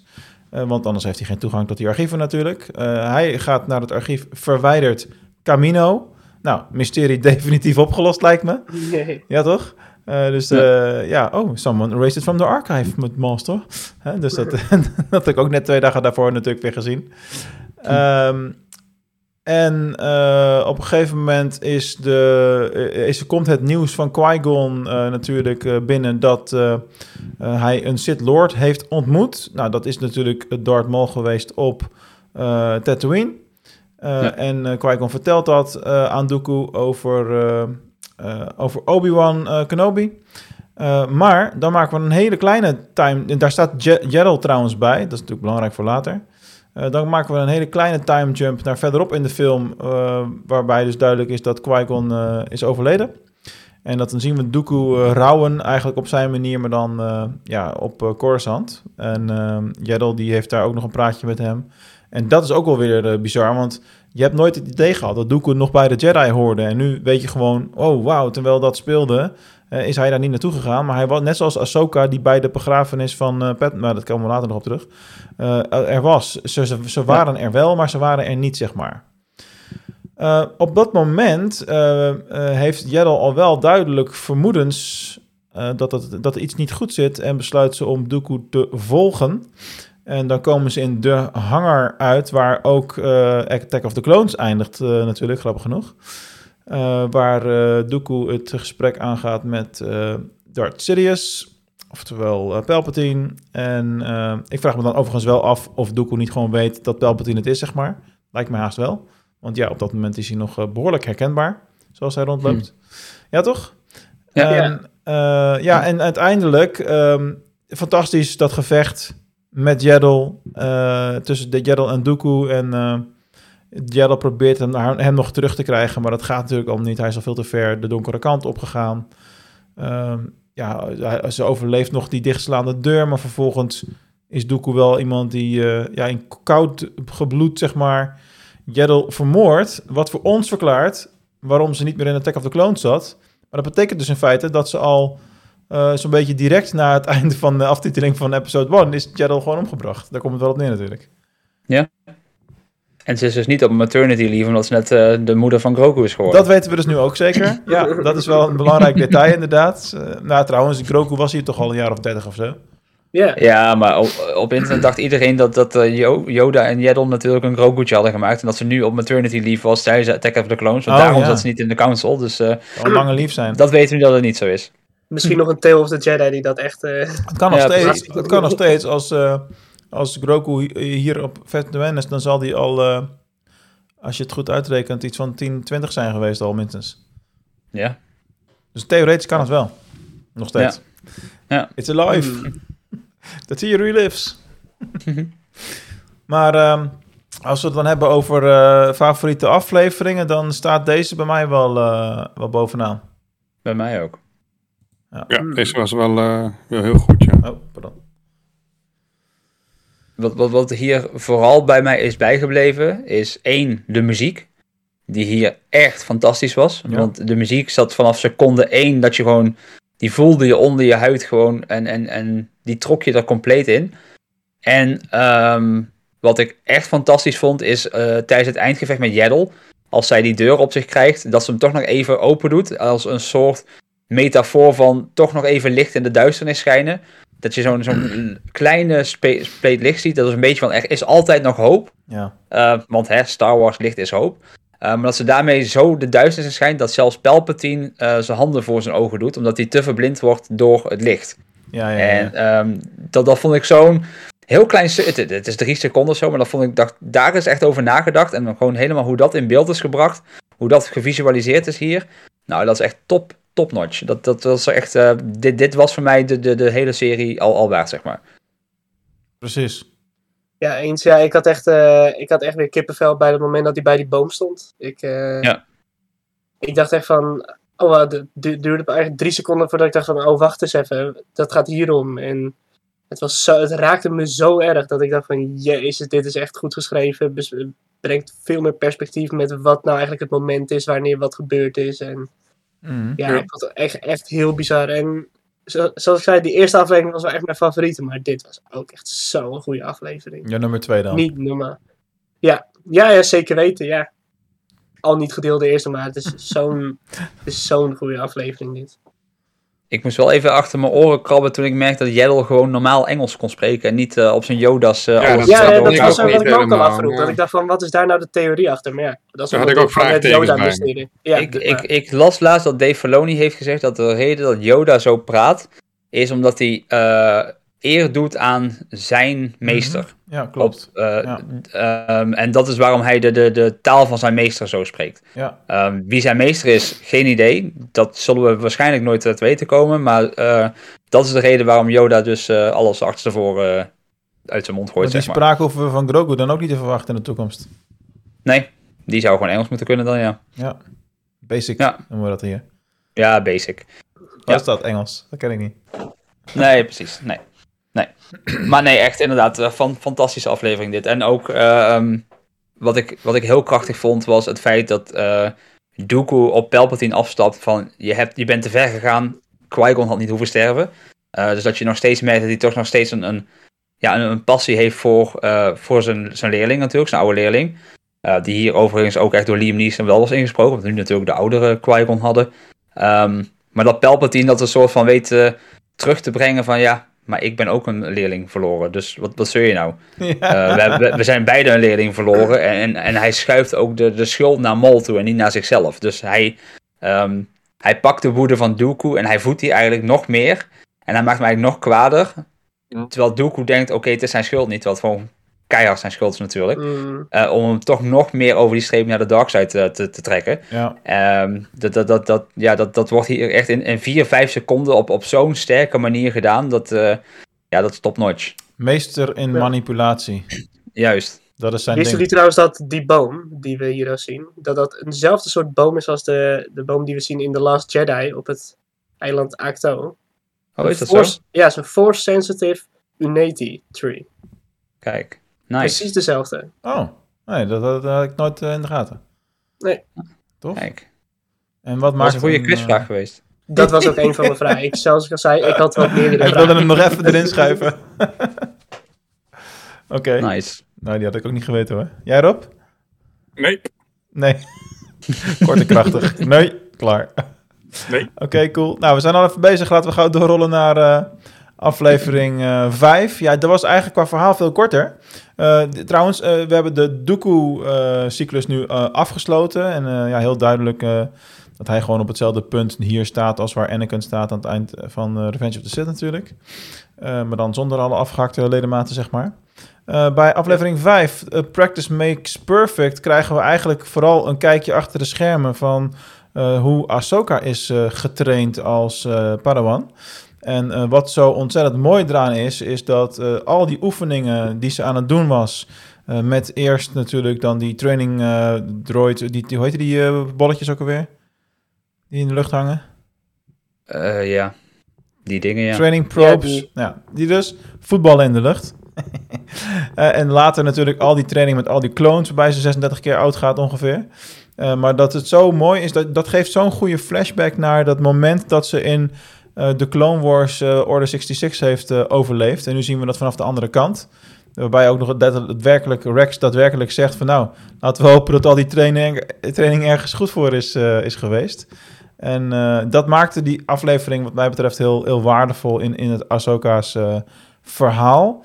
En ook nog een kleine leuke eh, nudge aan het begin. In de eerste training was ook niemand minder dan eh Kanan Jarrus eh, van Rebels eh, als eh, youngling Ja. Padawan aanwezig. Hoe, hoe kwam deze aflevering bij jou over op? Want jij hebt natuurlijk de Clone Wars niet gezien. Volgens mij heb je wel die laatste vier afleveringen gezien inmiddels. Ja. Want daar heeft, eh, ik bedoel, ik denk dat als je die niet hebt gezien, dan, dan is de impact van deze aflevering op het einde een heel stuk minder, denk ik. Ja, Nou ja, goed, ik, ik snapte natuurlijk wel wat er ging gebeuren op het einde. Dus je, je, je, zie- je ziet het allemaal wel gebeuren. Maar het is, eh, ja, ik vond het vooral een beetje interessant hoe ze met Anakin omging. Hoe die verhouding was, om dat te zien. En, Mhm. en ja, verder gewoon haar training. En natuurlijk gewoon, ja, als die deur open gaat, is het toch wel pittig. Of toch wel heftig op het einde. Dat je denkt van, oh, Wat ik in, eh, in deze aflevering echt super sterk vond, dat, dat was gewoon Anakin zelf. Niet, niet eens die hele training eromheen, maar eigenlijk het beeld wat we hier al van hem zien.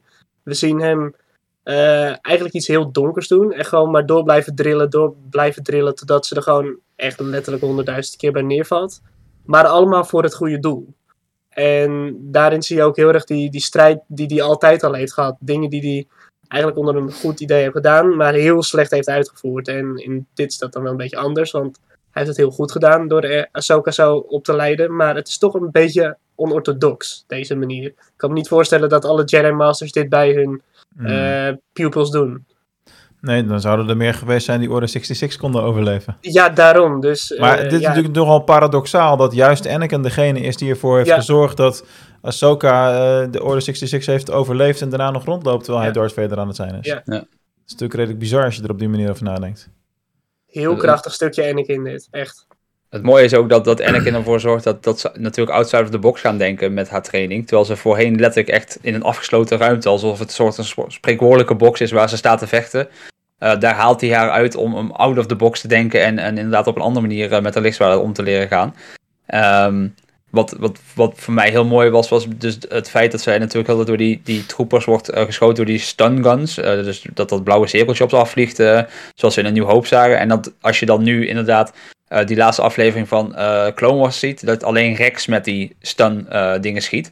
En de rest met, met die blasters, dat dat echt weer linkt aan, aan wat we in Clone Wars zagen. Dat is echt, ja, het rijmt, zoals George Lucas dat altijd mooi zegt. Ehm, er zit wel een foutje in deze aflevering. Oh, oké. Ja, als jullie de aflevering nog keer kijken, en in het begin bij de training van Ahsoka zit Obi-Wan natuurlijk naast Anakin op de bank met, volgens mij zit Plo en Mace en, en Yoda. Ehm, Obi-Wan heeft het verkeerde kapsel.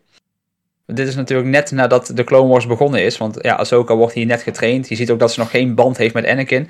En eh, Obi-Wan heeft hier al zo'n lange haar, en dat had hij in het begin van de Ik Clone had Wars dat niet. lichtelijk i- dat idee, want op het moment dat Ah. Anakin langer haar kreeg, werd het bij Obi-Wan weer wat korter. korter. Ja. Dus ik wist dit niet 100% zeker, maar ik had wel een beetje het idee van, wacht even. Hmm, Ja, hij heeft zijn, eh, zijn, zijn bijna zijn episode 3 kapsel al. Dus dat klopt Ja. niet, maar verder eh, prima.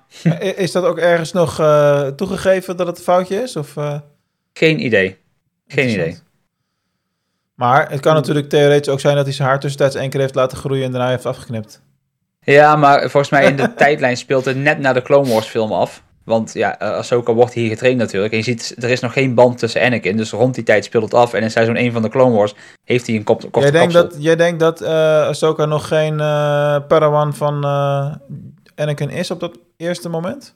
Jawel, want ze leren elkaar natuurlijk kennen in de Clone Wars film. Daar wordt eh, Ahsoka natuurlijk Ja, aan dus, dus gelinkt. wel daarna al. Ja, ja, ja. Ja, ja, dus het speelt zich wel af na die film natuurlijk. Maar niet per se heel Maar- veel.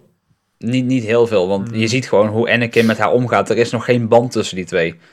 Eh, ze gaan nog met elkaar om als een soort van vreemde eh, van elkaar. En je ziet dan wel langzaam maar zeker door die training dat Anakin wel steeds meer eh, een beetje in haar gaat zien natuurlijk. Eh, op een gegeven moment dat ze op dat dek van dat schip staat te, te oefenen, zie je wel in de ogen van Anakin van dat hij dan met trots naar haar kijkt. Terwijl hij voorheen een beetje keek van, ach, daar heb je haar weer. Ik zal er eens op letten. Interessant in ieder geval. Als je Ja, het dan toch hebt over eh, foutjes, dan kunnen we heel mooi het bruggetje maken naar aflevering 6. Eh, want ehm, dat gaat over Ahsoka en het heet Afterplay.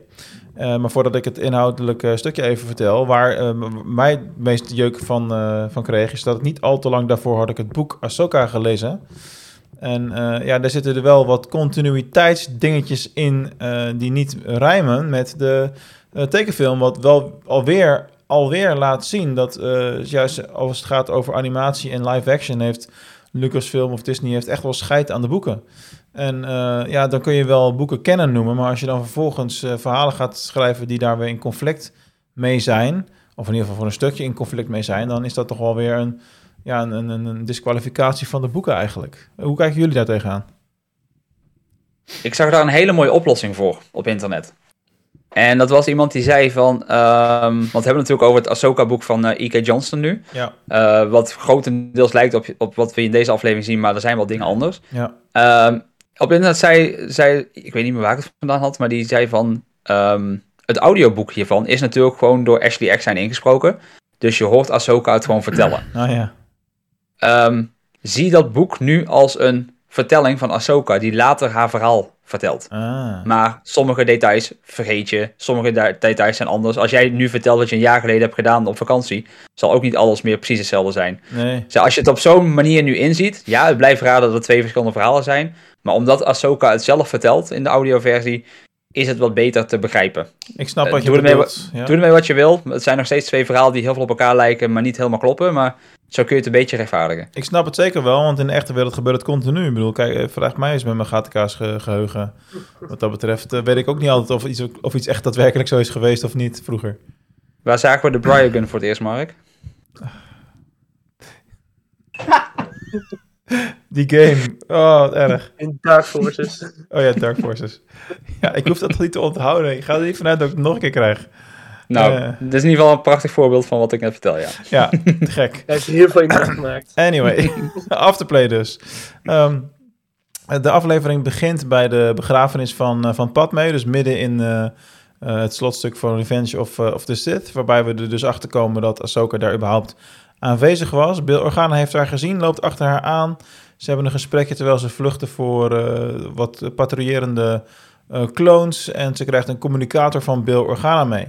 Nou, op dat moment maken we een enorme time jump. Ik weet niet precies hoeveel of hoe lang, eh, maar wel eh, behoorlijk lang. En werkt Ahsoka dus inmiddels op de boerderij, die dus ook in het boek beschreven wordt. En is, leeft ze een soort van in de anonimiteit onder de naam Ashla. Lijkt wel een beetje veel Ahsoka natuurlijk, maar oké. Eh, en door een gebeurtenis daar wordt te zichtbaar dat ze een Force user is. En eh, ja, wordt ze verlinkt eh, door iemand uit het dorp. En wordt ze vervolgens opgespoord door een Sith Inquisitor. Is het hele dorp afgebrand. Eh, een en al ellende natuurlijk. En ehm, ja, uiteindelijk roept ze de hulp in, eh, nadat ze de Sith Inquisitor heeft verslagen, de hulp in van eh, Bill Organa. Die komt en op dat moment, ja, dat is de conclusie van de hele serie direct, zien we natuurlijk ook het omslagmoment van oké, Ahsoka, ik ben er nu klaar voor om me weer te mengen in de strijd. En dat is feitelijk natuurlijk de geboorte van haar in haar rol als Fulcrum. Yes. Mooi slotstuk. Ja, Zo, Zeker. maar echt. maar echt. allereerst deze, deze aflevering. eh, echt die Sith Inquisitor, niet normaal ziek. Echt. Leg mij dat Die hoofd had- even uit. Want dat, dat, dat was mij echt zo van, huh? Ja, maar gewoon dat hele karakter. Gewoon die stem, eh de, de, dat vuur eromheen. De design inderdaad, dat is echt niet normaal vet. Ja, dat zeker. Zoveel, daar zou ik op zich ook nog wel een verhaal van willen zien. Van, van voorheen natuurlijk, want hij doet het niet meer. Maar ja, je lacht wel, maar Hij doet het niet meer. niet Ja, helemaal nee. logisch soms. Nee, zijn hoofd, ze Maar, sloeg was wel echt heel gaaf. zijn hoofd Ja. liep leeg. Hoe Ik had dan? niet verwacht dat het zo makkelijk, eh, zo Ja, makkelijk dan, zou dan ga je meteen vragen stellen van wat was het dan eigenlijk? Ja, dat dus. Ja, want is het nou iets van een shell of zo wat hij gewoon draagt? Of eh, daarom zal hij waarschijnlijk ook wel dat masker hebben gedragen. Iets met een zal- stemverduidering. Hij, Maar- hij zei, het zal wel heel veel kleiner zijn geweest dan wat we gezien hebben. Ja, maar man, wat was die vet gemaakt, zeg. Ja, mooi creepy Dat weer meteen van, er zijn, he- er zijn hele andere Inquisitors die er echt veel dommer en eh, veel stommer Zoals de Grand. Inquisitor. Bijvoorbeeld. En je hebt ook zo'n sister of zo, echt een supergrote, waarvan ik denk, nou, lekker boeien. Maar dit is wel echt eh, een serieuze Inquisitor in mijn optiek. En ja, het hele verhaal. Gewoon super sterk. Je ziet weer dat ze in de exile gaat, weer terugtreedt van haar eh, Jedi-rol. En ik weet niet precies wat nou de connectie was met hoe dat genoemd Maar Ashla, dat was dus een woord voor The Force. Ah. The light side of the force. The Light Side of the Force, dat was het inderdaad. En dat is voor mij door Bendu genoemd. Ja. Uit Rebels. Ja. De, dat grote beest waar eh Kanan mee praat. Oké. Ja. Ja. Oh, die, eh, oh ja, ik weet wat je bedoelt. Ja, weet je wel, ik bedoel, die Ja, op, dat, eh, op dat, die planeet, die Ja, niet Kanan slecht, al, maar als, ook niet als goed Kanan is. al blind is, die fase. Ja, inderdaad. Ja, ja, en ja, die ja, heeft ja. voor mij dat woord Ashla voor, mij, voor het eerst genoemd. Volgens mij ook, ja. Cool. Dus eh, ja, echt een hele gave serie. Eh, je ziet gewoon dat, dat, dat iemand weer iets uit iets goeds handelt en dat weer slecht afloopt. En ja, dat rijmt dan weer, eh, zoals eh, jullie dat altijd zeggen. En gaaf. Ik kan het niet anders zeggen. Gewoon ziek. Ja. Top. Wat het voor mij vooral deed, was ehm, de wetenschap dat Ahsoka bij de begrafenis van Padme was. Mhm. Ja, Die Ja. voelde ik wel. Eh, sowieso dat die scène opnieuw getoond wordt, maar dan vanuit een andere hoek. Dat vond ik echt, echt heel mooi om te zien. Ehm, en wat, wat Quinten net zegt, dat gevecht tussen Ahsoka en die Inquisitor, ehm, tussen dat vuur, hoe dat visueel werd gemaakt, dat was zo ongekend mooi. Ja. En het bewijst nogmaals, het gebeurde al in een nieuw hoop en het gebeurt nu weer. De enige dingen die je nodig hebt om iemand echt weer in de actie terug te krijgen, is een boerderij in de fik zetten. Eh, bij, bij Luke Skywalker werkt, werkt het om hem in actie te krijgen, bij Ahsoka werkt het blijkbaar ook. Ehm, maar nee, dat hele gevecht in, in die Vlammenzee, dat was zo ongelooflijk mooi gemaakt. Dat was echt, dat, daar zou ik gewoon echt een screenshot van aan de muur willen hangen, zeg maar. Ja. Dat, dat vond ik echt prachtig gewoon. Dat was echt gewoon mooier dan elk andere shot in deze serie. Hoe mooi deze serie ook was. Ja, Dat was echt het hoogtepunt. ja, eh, ja, ja. Dus, eh, daarom zei ik net al, ik zou echt heel graag willen zien hoe dit allemaal gemaakt is. En Ja. Ja, please geef daar maar een serie van. Ik ga hem zo kijken. Nou, misschien zien we die Inquisitor wel in eh, Jedi Survivor terug. Dat Ja, speelt zich natuurlijk dat lijkt me vooraf. echt- Dus Dat lijkt me echt heel vet. Als dat zo is, dan Dat zou wel- dan zit dat zou wel vet zijn. Ja, ja. Niks mis mee. Oké, nou tof. We hebben alle afleveringen ook eh, per stuk eh, besproken inmiddels. Eh, zijn er nog dingen die we overall, nu we alles eh, op tafel hebben gelegd, eh, willen, willen zeggen over Tales of the Jedi? Want het is best bizar hoe wij in staat zijn om een podcast te maken die ongeveer even lang duurt als eh, de hele serie loopt, las, afspeelduur, zeg maar. Nou, ik heb nog één vraag eigenlijk. Komt Ik, eh, zoals ik net aan het begin al zei, eh, dit is echt een hele goede serie om in de Clone Wars te stappen. Of al met animatie op zich te beginnen. En natuurlijk, de eerste paar seizoenen van Clone Wars die zijn heel houterig, heel plat, heel vlak, heel oppervlakkig. En best wel moeilijk om doorheen te komen als je het niet helemaal wilt. Maar het wordt steeds beter. En deze serie, wat, wat je voelt aan het einde van deze serie, dat is precies wat je gaat voelen op het moment dat je de Clone Wars hebt afgesloten. En ik heb letterlijk maar, na de drie keer dat ik deze hele serie heb, heb ik maar één vraag. Rob, wanneer ga je de Clone Wars kijken? Ik voelde hem aankomen. Oh, heerlijk.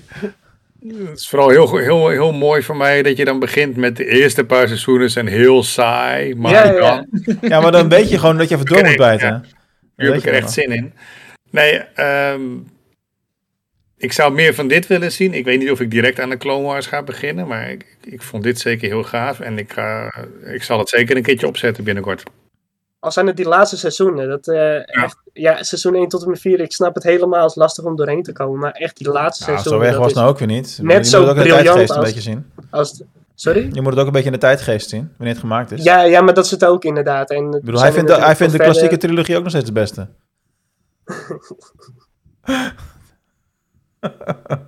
En toen was het stil. dus- ik niet, dat, dat weten we. Rob eh, verlaat het gesprek. Left the chat. Nou, eh, dank jullie wel allemaal. Eh, oh, wacht, eh, laatste oordeel nog van eh, Rob en, eh, en Bas. Voor mij is het heel simpel. Het is iets wat ik al heel vaak in deze podcast heb gezegd. En ik kan het heel lang maken, ik kan het heel kort houden. En dat doe ik dan ook. In Felony We Trust. Ja, ik wist dat hij eraan zou te Mm, komen. ja. En terecht. En terecht. Wat heeft hij toch zijn kracht laten zien met deze serie. Ja. Zo'n Hij- stempel afgedrukt. Wat mij betreft is hij echt de nieuwe George Lucas. Ja. Hoe oud is hij En een, groot, een groter compliment kan ik hem niet geven. Nee, dat is waar. Ik vind het zelf, het was gewoon heel gaaf. En iedereen eh, was benieuwd naar wat ik ervan vond. En ik vond het, het was zeker omdat het korte afleveringen waren. Met geen poespas, geen seconde te veel. Gewoon leuke verhalen waar je echt achteraf van wow. Echt, eh, nee, meer van dit. Meer van dit. U heeft het gehoord, dames en heren. Rob zei meer van dit. En ja, het ging over animatie. Voor volwassenen. Ja, dus Bob, luister je mee? Dat was de show voor deze week. We wensen jullie allemaal, als je gelijk op de eerste dag luistert, een fijne pakjesavond. En anders, als je die gehad hebt, eh, veel plezier met alles wat je uitgepakt eh, mocht, eh, mocht hebben. Eh, voor nu, een fijne Star Wars rijke week. En we zijn er volgende week weer. Bye bye. Bye. Bye.